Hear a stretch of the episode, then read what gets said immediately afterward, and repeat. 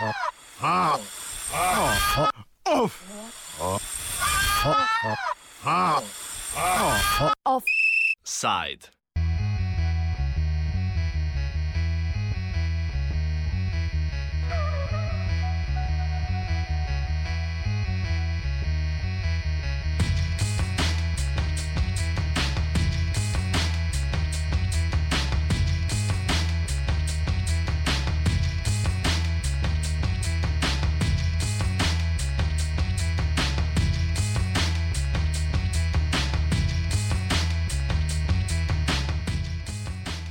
Nezakonito ulovljene ribe na evropskih krožnikih.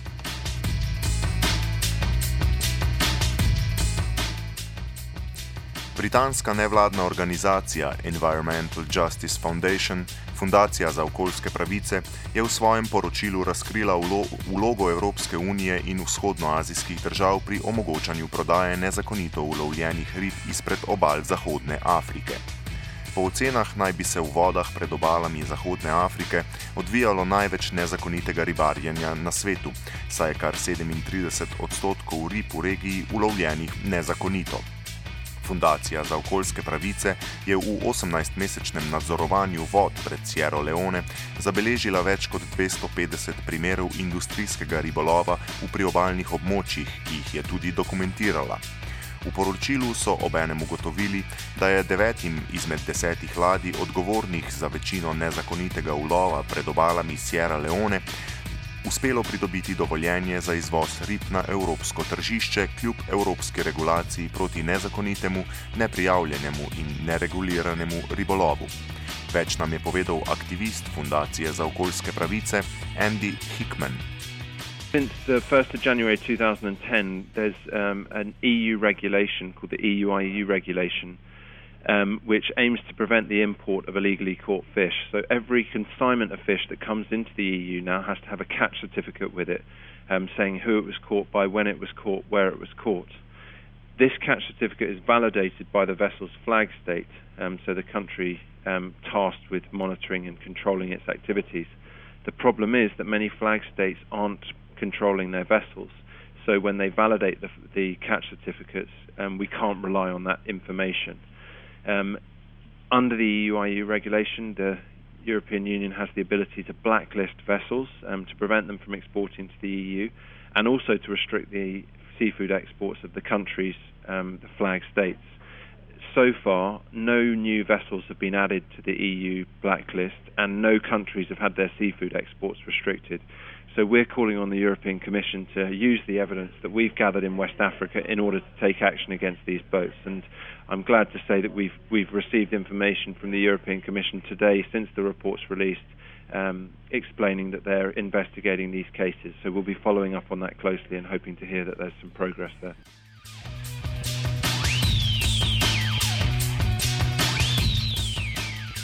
Kot je Fundacija za okoljske pravice ugotovila med nadzorovanjem območja, je bilo omenjenih deset ladij za izognitev evropski regulaciji, registriranih pod zastavami tujih, neevropskih držav. Nadaljuje Andy Hickman. These uh, 10 vessels are owned by different companies, um, but they were the, nine of them were flagged to South Korea. Um, the 10th vessel, we um, haven't been able to determine the flag of the vessel yet. They've been transferring their catches at sea to vessels flagged to Panama. And Panama is a flag of convenience country which allows fishing companies to use its flag um, without being able to properly monitor and control their activities. So this investigation has focused on South Korean and Panama flagged vessels. Are these European companies?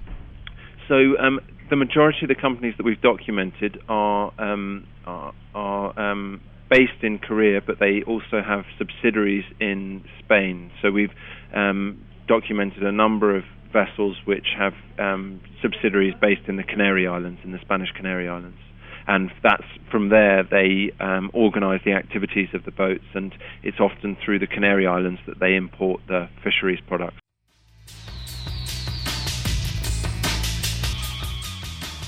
O luknjah v regulaciji je govorila tudi Marija Jose Korenax, aktivistka pri madridski podružnici organizacije Oceana. The regulation is not perfect.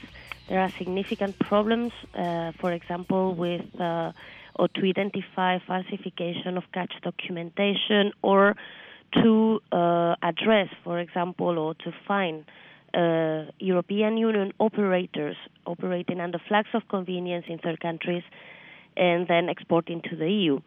Although the regulation uh, imposes big fines uh, against those operators in case they are European citizens, uh, still the mechanism is not working properly due to different loopholes.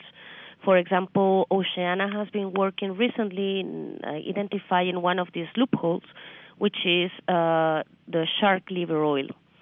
Uh, deep sea sharks are captured around the world for uh, shark liver oil, and this shark liver oil is exported to the EU as uh, as different forms, as omega three or for cosmetics industry and the regulation, the new uh, IUU regulation, does not cover this product. And currently, there are a number of illegal fishing vessels uh, associated with European citizens, but flagging flags of Nigeria, uh, Curacao, and other countries, having flags of convenience and weaker rules that are uh, exporting this shark liver oil maybe to uh, European Union. Have there been any cases of actually people getting fined? Yes, yes, there have been already fines applied to IUU operators based in the European Union or being European Union citizens as beneficiaries of activities undertaken under other flags or in third countries or on the high seas. As I say, is a very powerful tool, these new measures, and are acting somehow efficiently in identifying IUU and finding IUU uh, related activities, but still needs a lot of review and also the commitment from the member states in terms, for example, of inspection, exchange of information, etc. Uh, for example, in the case of Spain, Spain is the fish gate of the European Union, meaning that most of the fish imported to the European Union goes through Spanish borders uh, Spanish control means are still very, very weak in order to uh, inspect and control all the imports that go through our borders. So this, together with um, some loopholes existing in the current IUU regulation, makes uh, that our borders are still some kind of open to certain illegal products.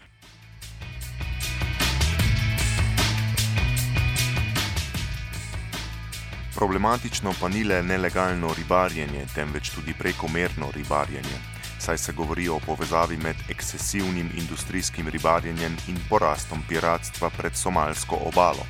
Nadaljuje Andy Hickman. There's often, um, th yeah, there's, there's, people often make the link between overfishing in Somalia and um, the, the increasing levels of piracy. Um, we haven't done any work on that ourselves, but um, it, yeah, there's definitely some interesting research out there on um, th- yeah, the impacts of overfishing on coastal communities and how, in some cases, it might have led to an increase in levels of piracy. What kind of impact does it have in Sierra Leone on the fishing communities? A very, it, it has a very significant impact on coastal communities in Sierra Leone. Um, firstly, fishermen often find that their nets get destroyed by the trawlers um, because they set their nets overnight and the trawlers will come and destroy them um, during the night. Um, in the report, we documented um, a fisherman who was attacked with an iron bar by crew on board one of the trawlers. So there's these um, occasional confrontations between the industrial fishing fleets and the artisanal fishermen. And then obviously there's the very significant impact on fish stocks in the area and the marine environment. These boats are fishing very close to shore um, often in breeding grounds for fish, and that obviously affects the ability um, of the fishermen to get good catches themselves. So uh, the impacts on coastal communities have been very, very significant.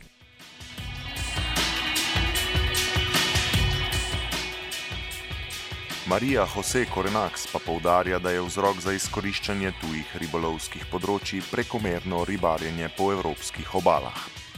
We know that European unions have been overexploited. For example, in the Mediterranean Sea, 80, more than 85% of the fish stocks are overexploited, meaning that uh, when uh, fish is not available in near shore for European citizens, they focus or in investments in third countries or they buy the fish to these third countries, meaning that uh, or we ex- export the fishing boats to countries in West Africa or in Indian Ocean, etc., or we just directly import the fish produced in those countries, for example, by Asiatic fleets or by local fleets that are not subject to the same rules, uh, for example, in terms of labor rules, uh, human rights, or let's not even talk about sustainability of the fish stocks exploited.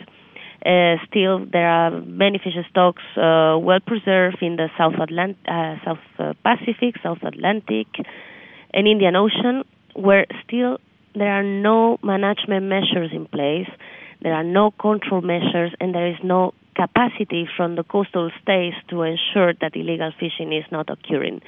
It's because of that it's so important that countries or, or institutions like the European Union or the United States, as importing countries, put in place the measures to prevent that only sustainable and legally caught fish is entering through our borders.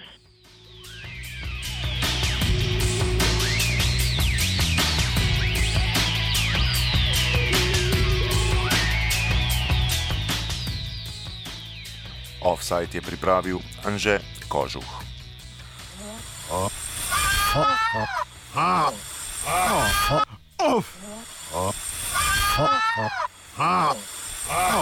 Offside.